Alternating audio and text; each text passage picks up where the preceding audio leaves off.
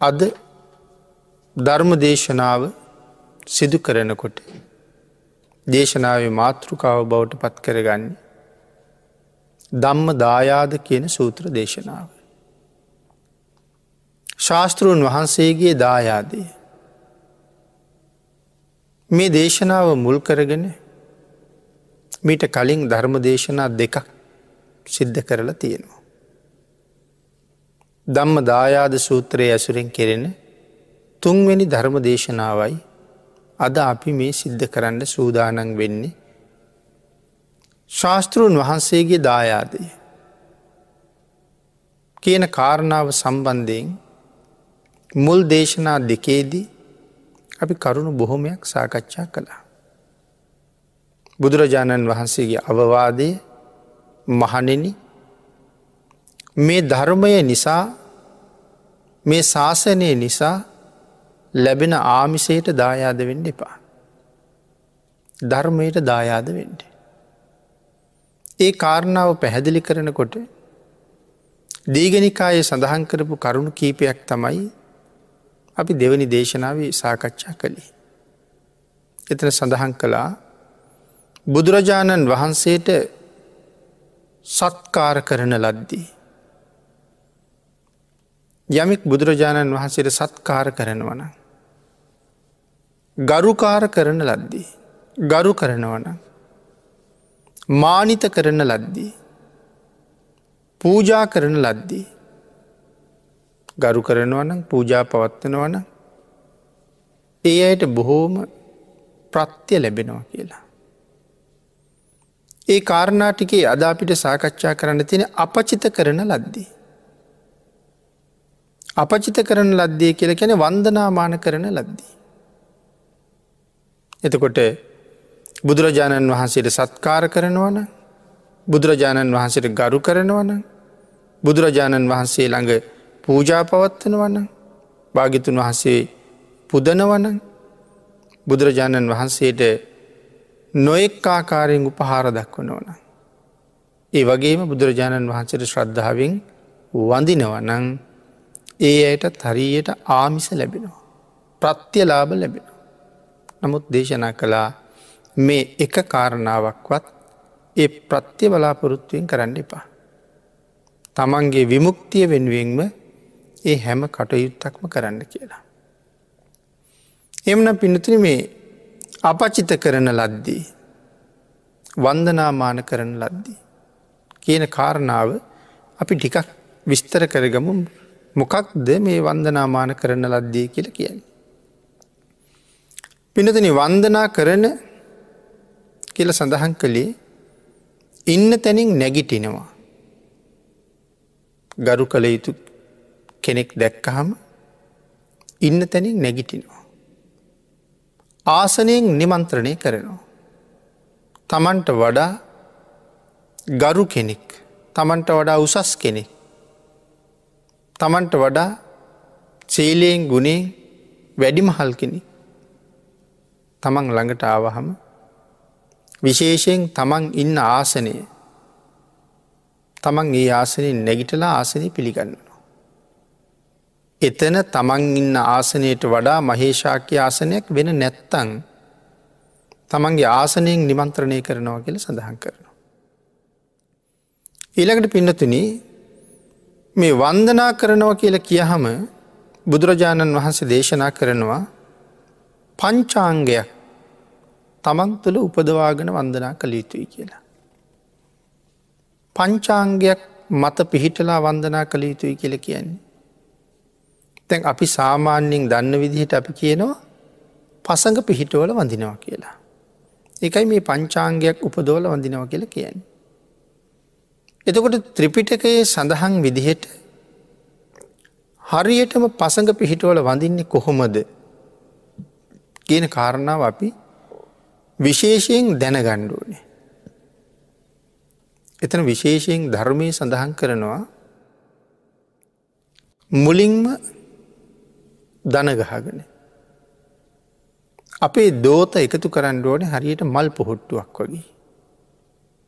සමහරලාට අත්ලට අත්ල තද කරගණ්ඩත් පුළුවන්. ඒ ක්‍රමය අනුමත කරන්නේ නෑ. දෝත එකතුනාම මැද හිස් බවක් තියෙන්ට ඕනේ. එතකොට තමයි මල් පොහොට්ටුවක් වගේ එකතුවෙන්නේ. එහෙම එකතු කරලා දෝත නලලි තියාගන්නවා. නලල මත තියාගෙන අපි සාමාන්‍ය වදින ක්‍රමයට පාත්වෙනවා. ඒ පාත්වෙනකොටත් දෝත තියෙනෙ නලල මතමයි. ඉළඟට නලල බිමතියල අපේ අත වන්දනාව ලබන උතුම් කෙනාගේ පතුල මත තියෙනවා. පතුල මත තියලා හාත් පස සම්බාහනය කරනවා.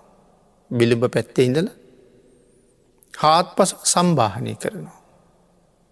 එම සම්බාහනය කර කර තමයි වඳින්නේ. ඒක තමයි ශාසනයේ උතුම් වන්දනාව.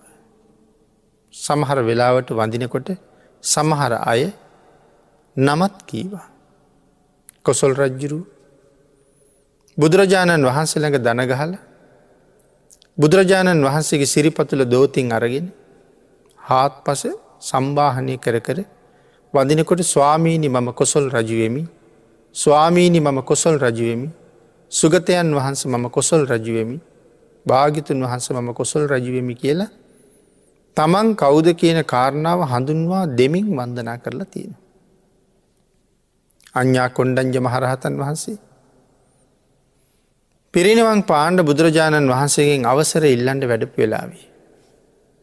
බුදුරජාණන් වහන්සේළඟ දැනගෙන දනගහගෙන භාගිතුන් වහන්සේගේ සිරිපාද පත්මය මත තමන් වහන්සේගේ අත් පිහිටවල ඒ විදිහටම සම්බාහනය කර කර වඳිනවා. බුදුරජාණන් වහන්සේ ඒ වන්දනා කරන්නේ කෞුද කියලා නොදන්නව නෙමෙයි. නමුත් වටේ බලාගෙන ඉන්න අය. ඒ අය දන්නේ නෑ මේ කෞුද කියලා හුඟක් අය.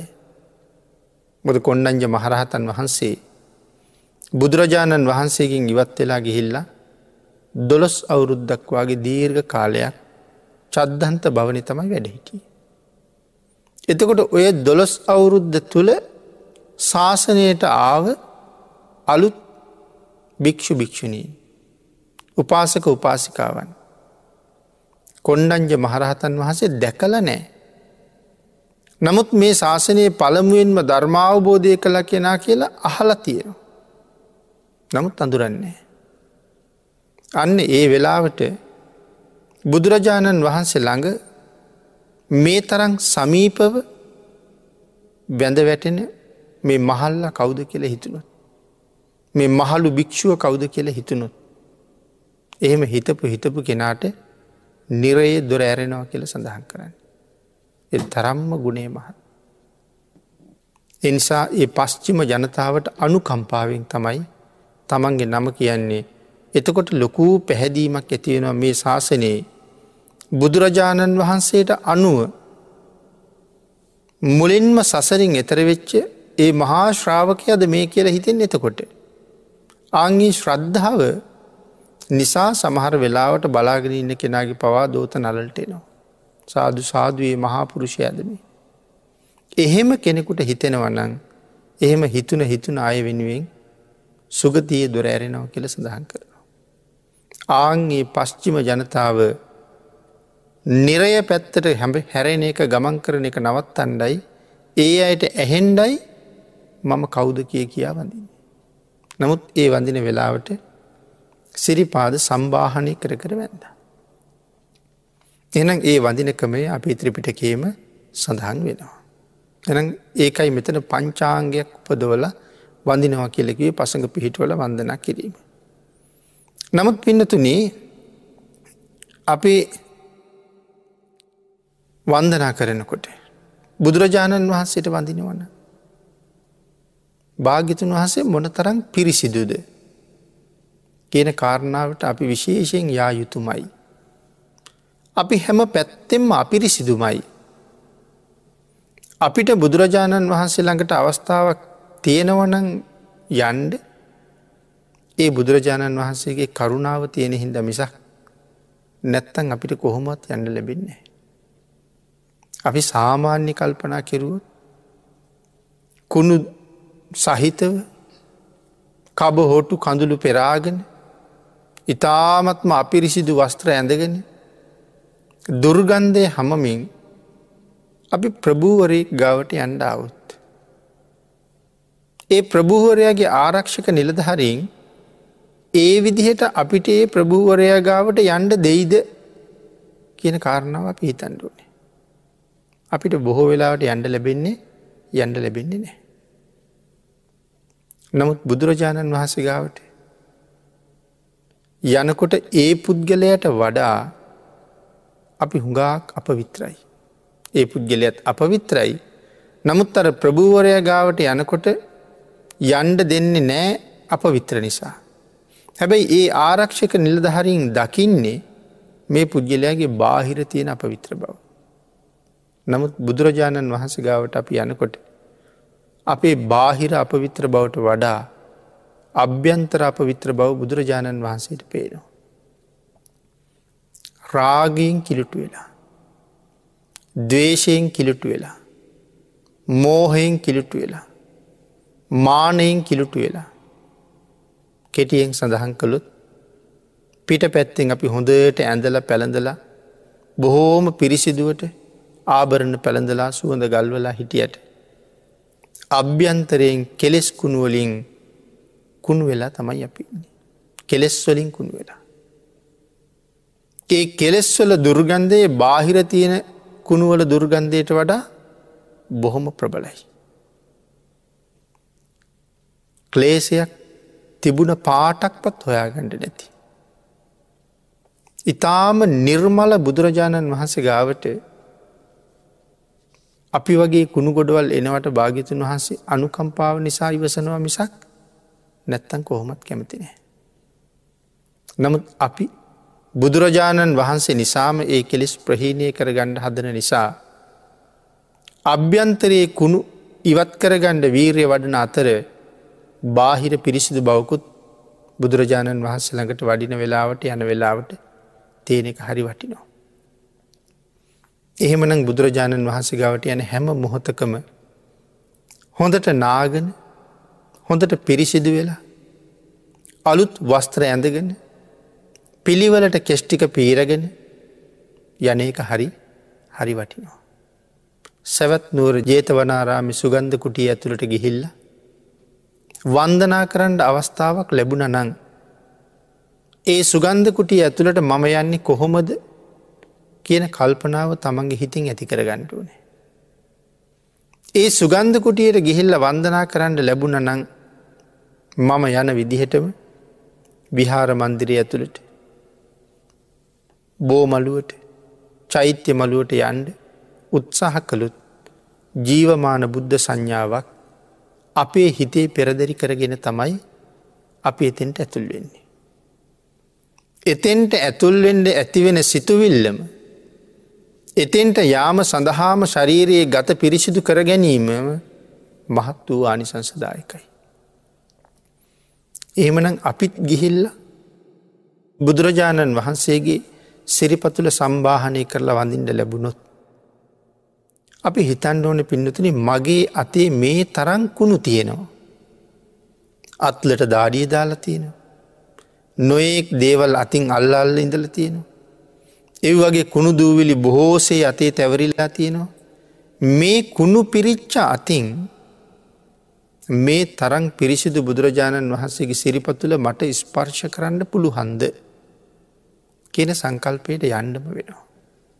මේ හැම තැනම මේ තියෙන්නේ ශ්‍රද්ධාව. ඒ සංකල්පයට යම් කෙනෙක් එනවනං කවදාවත් බුද්ධ වන්දනාවට යන්ඩ හිතෙන්නේ නෑ දෑත පිරිසිදු කරන්නේ නැතුව. අත පිරිසිදු කරගෙනම තමයි බුදුරජාණන් වහස ගාවට යන්ඩ හිතෙන්නේ. මේ කරුණුත් ශ්‍රද්ධාවෙන් හිතනවන්න ගරු කටයුතු කෙනෙකුට වන්දනාමාන කරන හැම වෙලාවකම අපි අත පයි පිරිසිදු කරගෙනම යනවා.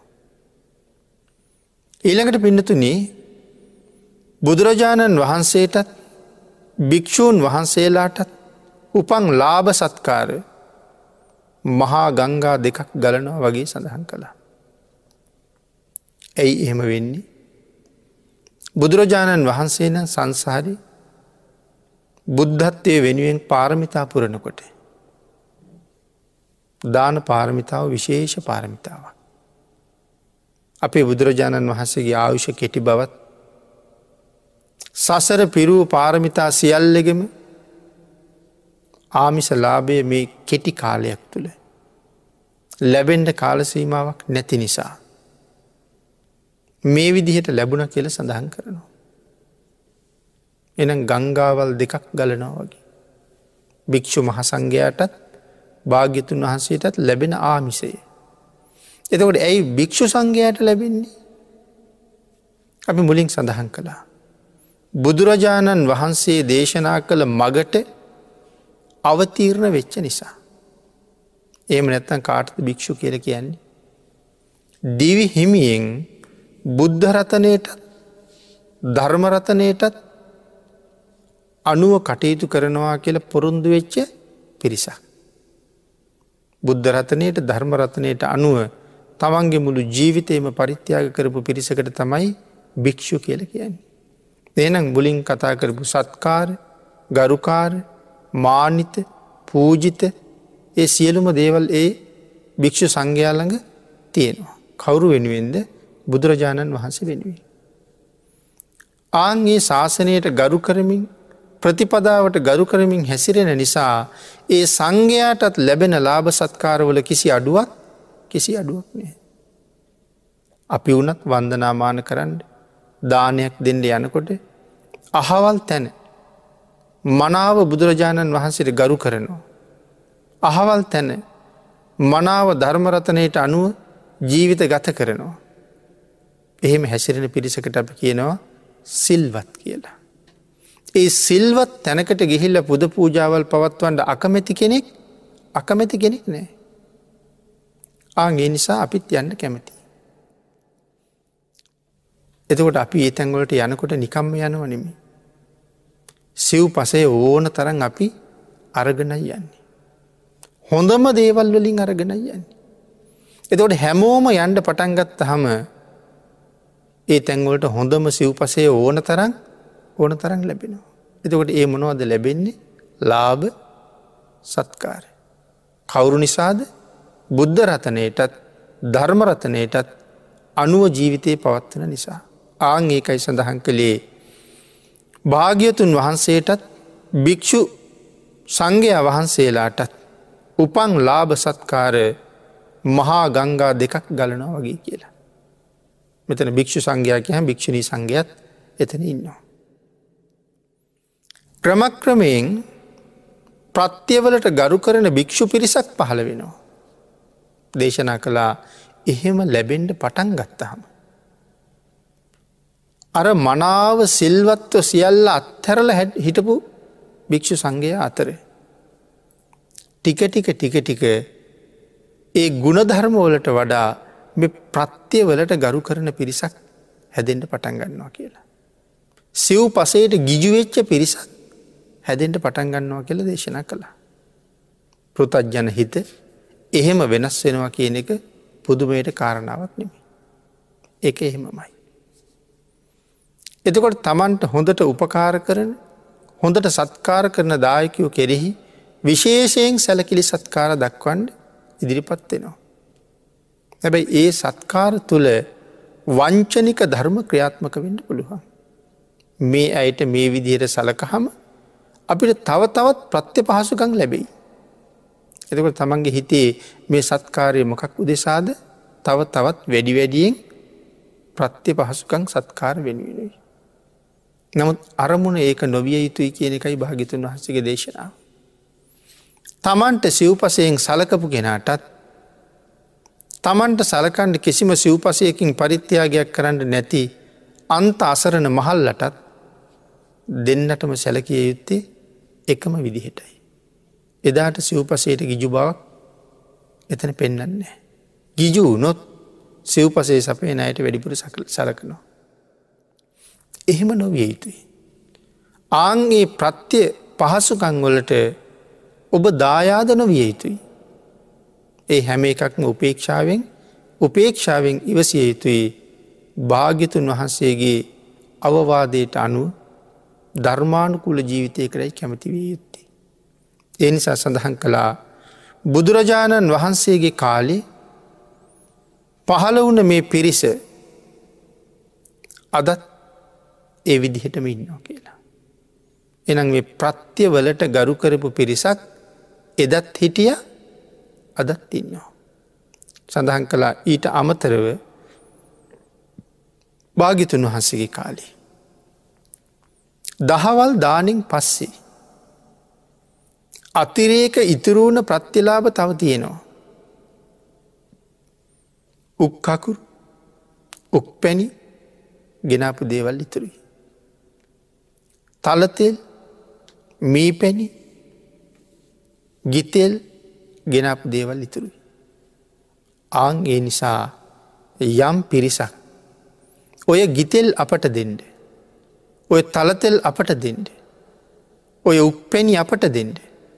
අපේ ශාස්තෘන් වහන්සේට පූජා කරන්න අපට දෙන්ඩ. ආං එහෙම කිය කියා ඉල්ලන්ඩ පටන් ගත්ත කියලා. එහෙනම් එහෙම පිරිසක් බුද්ධ කාලිත් හිටිය කෙලෙයි සඳහන් කරන්න.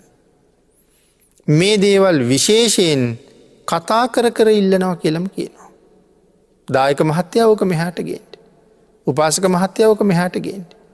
අං එහෙම කතා කර කර ඉල්ලන පිරිසක් එදා හිටිය කියලා බුදුරජාණන් වහස දේශනා කරනවා. අපේ ආචාරයන් වහන්සේට අපේ උපාධ්‍යයන් වහන්සේට දෙන්ඩ මේක වටිනවා. නිසි වෙලාවෙ කැප වෙලාව අපි පිළිගන්වන්නන් ඕක ගේන්ඩ කියලා කටින් කිය කියා ඉල්ලවා කියල සඳහන් කරනවා. නමුත් පිනතින බුදුරජාණන් වහන්සේ මේ ශබ්ද ඇති කරන භික්‍ෂූන් වහන්සලට හරි අකමැති. යම් තැනක ශබ්ද ඇති කරනවන යම් තැනක කෑකෝ ගහනවන බුදුරජාණන් වහන්සේ කොහොමුවත් කැමතිනේ. යම් තැනක ශබ්දයක් කලබලයක් ඇහෙනවනං සමහර වෙලාවට බුදුරජාණන් වහස විමසලා තියෙනවා.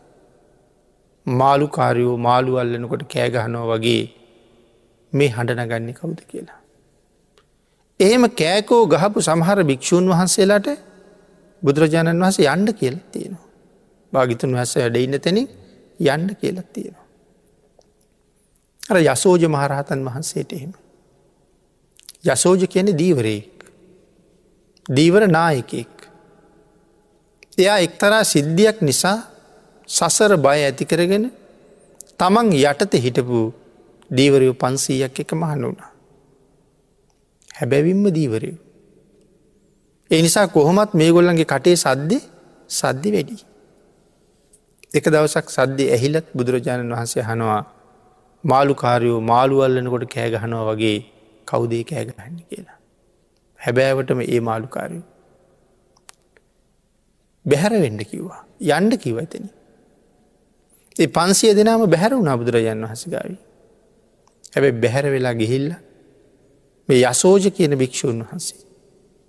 තමන්ගේ අනික් පන්සිය දෙනාට කතා කරලා කියනවා බුදුරජාණන් වහන්සේ අපට උපකාරයක් කළා. මොකක්ද උපකාරය අපිට යන්ඩ කිව්වා. ඇයි අන්ඩ කීවේ බුදුරජාණන් වහසේ කැමති විදිහට හැසුරුණේ නැති හින්දා. එනම් හොඳට මතක තියාගණ්ඩ නැවත භාගිතුන් වහසගාවට යනකොට. භාගිතුන් වහස කැමති විදිහට එතෙන්ට යන්ඩ සූදානන් වෙන්ට. පිඩතුන මෙ සියලු දෙනාම. ධර්මාවබෝධය ලබල. මාර්ග පල ලබල.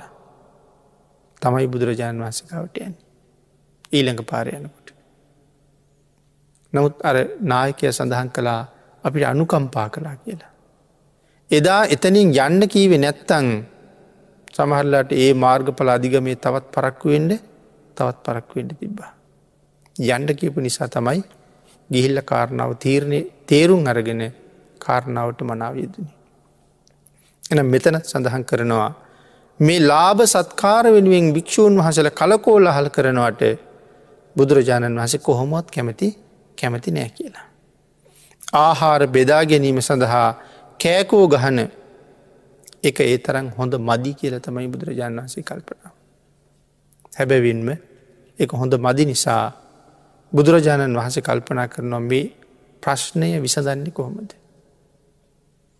නොයෙක් නොයෙක් ප්‍රශ්නගාව ගැටලු ඇතිවෙච්ච තැන්වල බුදුරජාණන් වහසේ ශික්ෂාපද පැනිව්වා. නමුත් දැන් ප්‍රත්‍ය පහසුකං එපා සිව්පසේ එපා කියල ශික්ෂාපදයක් පනවන්න පුළුවන්ද. එහෙම ශික්ෂාපදයක් පනවන්න පුළු හංකමක් නෑ මේ ශාසනී. මොකද භාගිතුන් වහස දන්නවා එහෙම කෑකෝ ගහනක නුසුදුසී නමුත් බුදුරජාණන් වහන්සේට සංවේගයක් උපදිනවා. ඒ කෑකෝ ගහන භික්‍ෂූන් වහසල පිළිබඳව. මේ වාගේ උතුම් නිර්මල ශාසනයකට ඇවිල්ලත් ධර්ම ගරු පිරිසක් බවට පත්තෙන්ට බෑ. ශාස්තෘූන් වහසට ගරු කරන පිරිසක් බවට පත්තෙන්ට බැරි වුණා කියලා තමන් වහන්ස ගැන දුකක් හිතෙනවද කවදාවත් නෑ. අපේ අම්මයි තාත්තයි කැමති විදිහට අපි හැදුන් නැත්තං. ඒ දෙන්න කැමති විදියට අපි හදන්ඩ බැරි වුණොත් ඒ දෙන්නට දුක හිතෙන්ට පුළුවන්. මෙච්චර දුක්වින්ද මෙච්චර මහන්සි වුණ මෙච්චර වියදන් කෙරුවා උගන්නන්ඩ පුදුම කැපකිරීමක් කළා නමුත් මගේ මහන්සිය මගේ වියදම ඔක්කොම වතුර ගියා බලාපොරොත්්‍යචි තැන්ට මේ දරුව ආවිනෑ කියලා කනස්සල්ලක් කනගාටුවක් ඒගොල්ලන්ට ඇතිවෙනවමයි. නමුත් මේ භික්‍ෂූන් වහන්සේලා මෙහෙම වනා කියලා බුදුරජාණන් වහන්සේට තමන් වහන්සේ ගැන කනගාටුවක් ඇතිවෙන්නේ නමුත් සංවේගයක් උපදිනවා ඒ අයි පිළිබඳව. ලොවතුරා බුදුරජාණන් වහන්සේ පහළ වෙලා ඉන්න වෙලා වෙත්. ඒ භාග්‍යතුන් වහන්සේගේ ආශ්‍රය ලබ ලබා ඉන්න වෙලා වෙත්. මේ භයානක සංසාරයෙන් එතරයන්ට වීරය නොකර මේ ලාබ සත්කාර වෙනුවෙන් කෑකෝ ගහන භික්ෂූන් පිළිබඳ සංවේගයක් උපදින. නමුත් පිඩතිනේ සඳහන් කරනවා මේ කුලපුත්‍රයන්ගේ ශ්‍රමණ ධර්මය ආහාරය සමඟ බැඳිලයි තියෙන්. ඒකයි මුලික් සඳහන් කළේ සිව්පසය තහනං කරන්න බෑ. මොකද ජීවිතයේ පවත්වන්න ගුණ ධර්ම සම්පූර්ණ කරන්න සිව්පසේ අවශ්‍යයි. එනම් මේ කුලපුත්‍රයන්ගේ ශ්‍රමණ ධර්මය මේ ආහාරය සමඟ බැඳිලයි තියෙන්නේ. දවසකට වරක්වත් ආහාර අවශ්‍යයි. දවසකට දෙවේලක් වැළඳුව සමහරය දවසකට එක වේලක් වැළඳවා. අඩුම තර මේ දවසකට වේලක්වත් ආහාර අවශ්‍යමයි මේ ප්‍රතිපදාව පූරණය කරන්න නමුත්.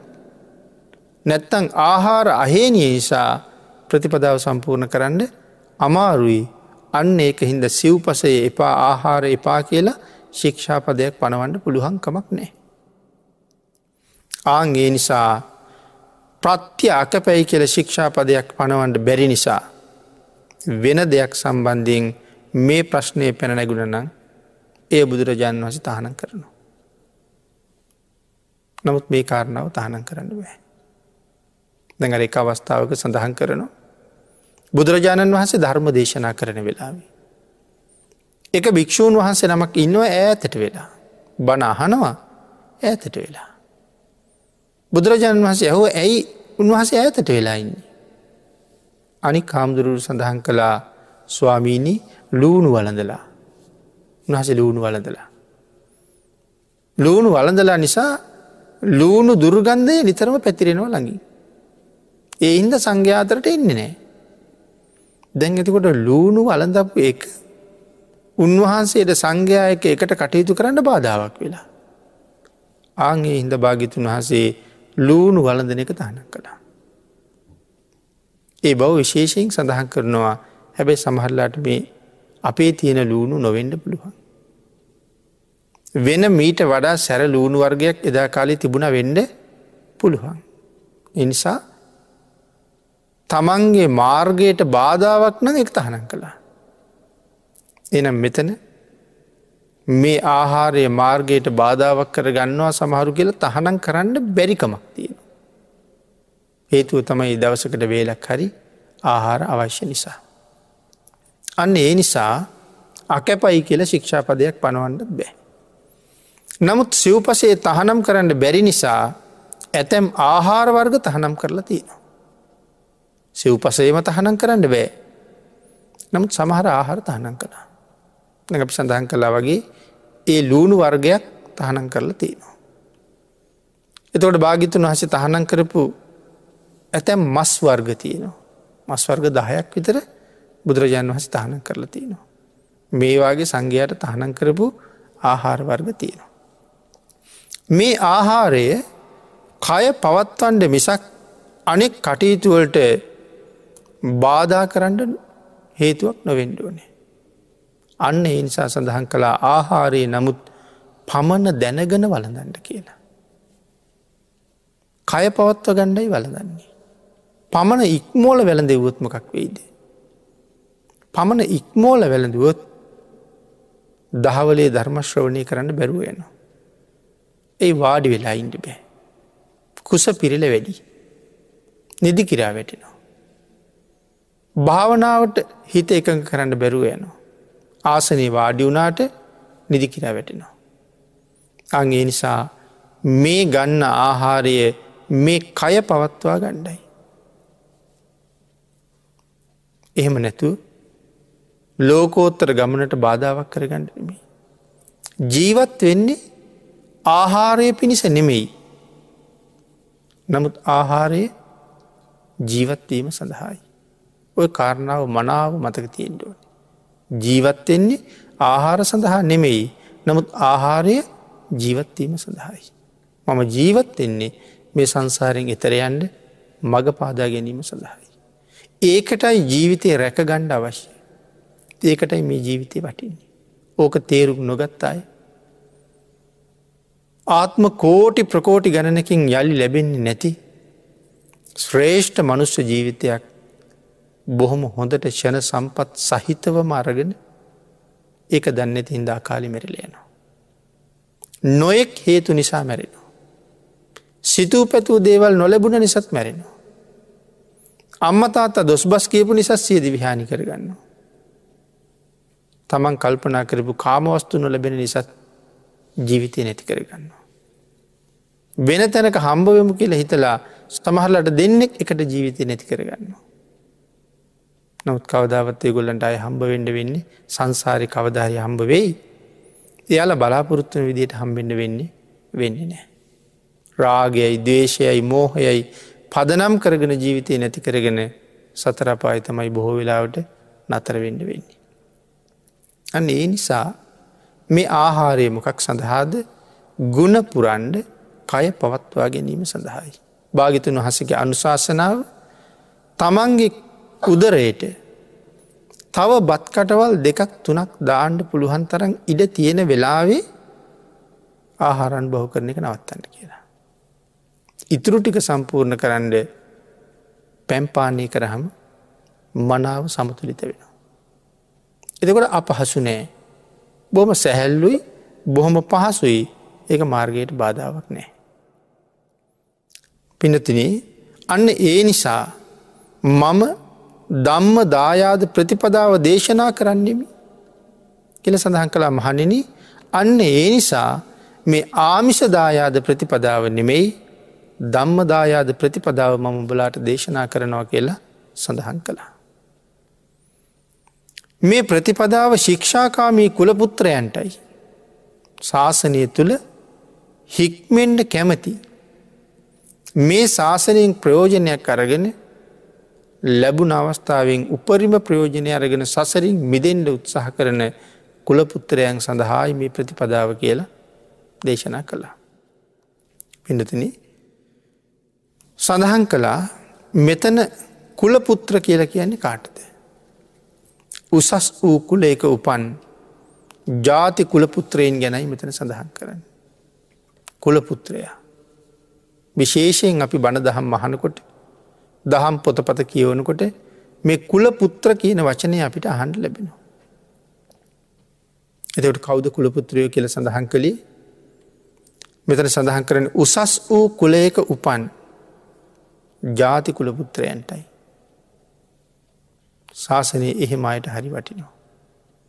එතකට උසස් කුලේක ඉපදුන හම කියල කියන්නේ බ්‍රාහ්මණ ශස්ත්‍රිය වෛශ්‍ය බ්‍රාහ්මණය රජවරු සිටුවරු මේ අයට නෙමෙයි කියන කාරණාව හොඳටම මතක තියා ගණ්ඩුවනේ.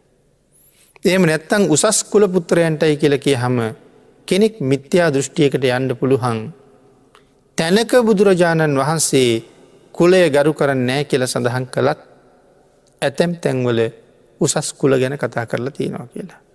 මේ උසස් කුල කෙලකිවේ බ්‍රහ්මණ කුලේටවත් ශස්ත්‍රීය කුලේටවත් වෛශ්‍ය කුලේටවත් නෙවෙයි. එනම් කාටද උසස් කුල කියල මෙතැන සඳහන් කළේ. මෙතන විශේෂයෙන් සඳහන් කරනවා. උසස් වූ කුලේක උපන් ජාතිකුල පුත්‍රයන්ටයි කියලා. උසස් කුලකිවී ධර්මානුකූලව හික්මුණ පවුල්වල අය. මව්පියොත් හික්මිලා. දරුවොත් හික්මිලා. මව්පියොත් අකුසලයෙන් ඇත්වෙලා.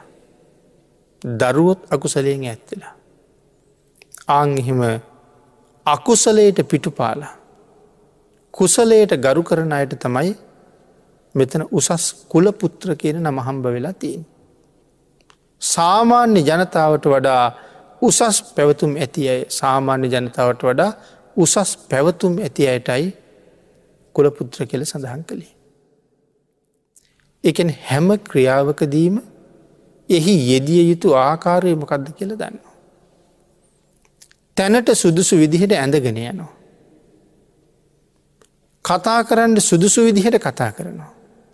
වැඩි හිටියෝ කතා කරනට මගින් පයින්නේ අනුන්ගේ කතාවකට හොරෙන් කන්දීගෙන ඉන්නේ නෑ. ඉඳගන්නකොට ඉඳගණ්ඩ සුදුසුම ක්‍රමය මොකක්ද කියලා දැනගෙන ඉඳගන්නවා. ඕනෑම තැනක ඉඳගණ්ඩ පහසු වෙන විදිහේ ඇඳුමක් ඇඳගෙන ඉන්නවා.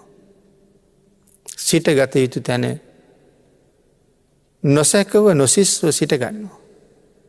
ගරු කළ යුතු කෙනාට මානයක් නැතුවම ගරු කරනවා. ආං එහෙම ප්‍රතිපදාවක පුරුදු වෙච්චායටයි මෙතන උසස් කුලයක් කියල සඳහන් කරන්නට යෙදනේ. පිනතන ධර්ම දේශනාවට තියෙන කාලේ නිමා වෙලා තියෙන නිසා ධම්ම දායාද සූත්‍රයේ ඇසුරු කරගෙන සිද්ධ කරන තුන්වෙනි ධර්ම දේශනාව. අපි මේ විදිහට නිමා කරපු මේ උසස් දේශනාව ඇසුරු කරගෙන තව දේශනා ගණනාවක් ඉදිරියට සාකච්ඡා කරන්න අවස්ථාව යොදාගණ්ඩ වෙයි කියල කල්පන කරනවා. දෙනිසා ඊළඟ කරුණු ටික ඊළඟ දේශනාවෙන් අපි සාකච්ඡා කරමු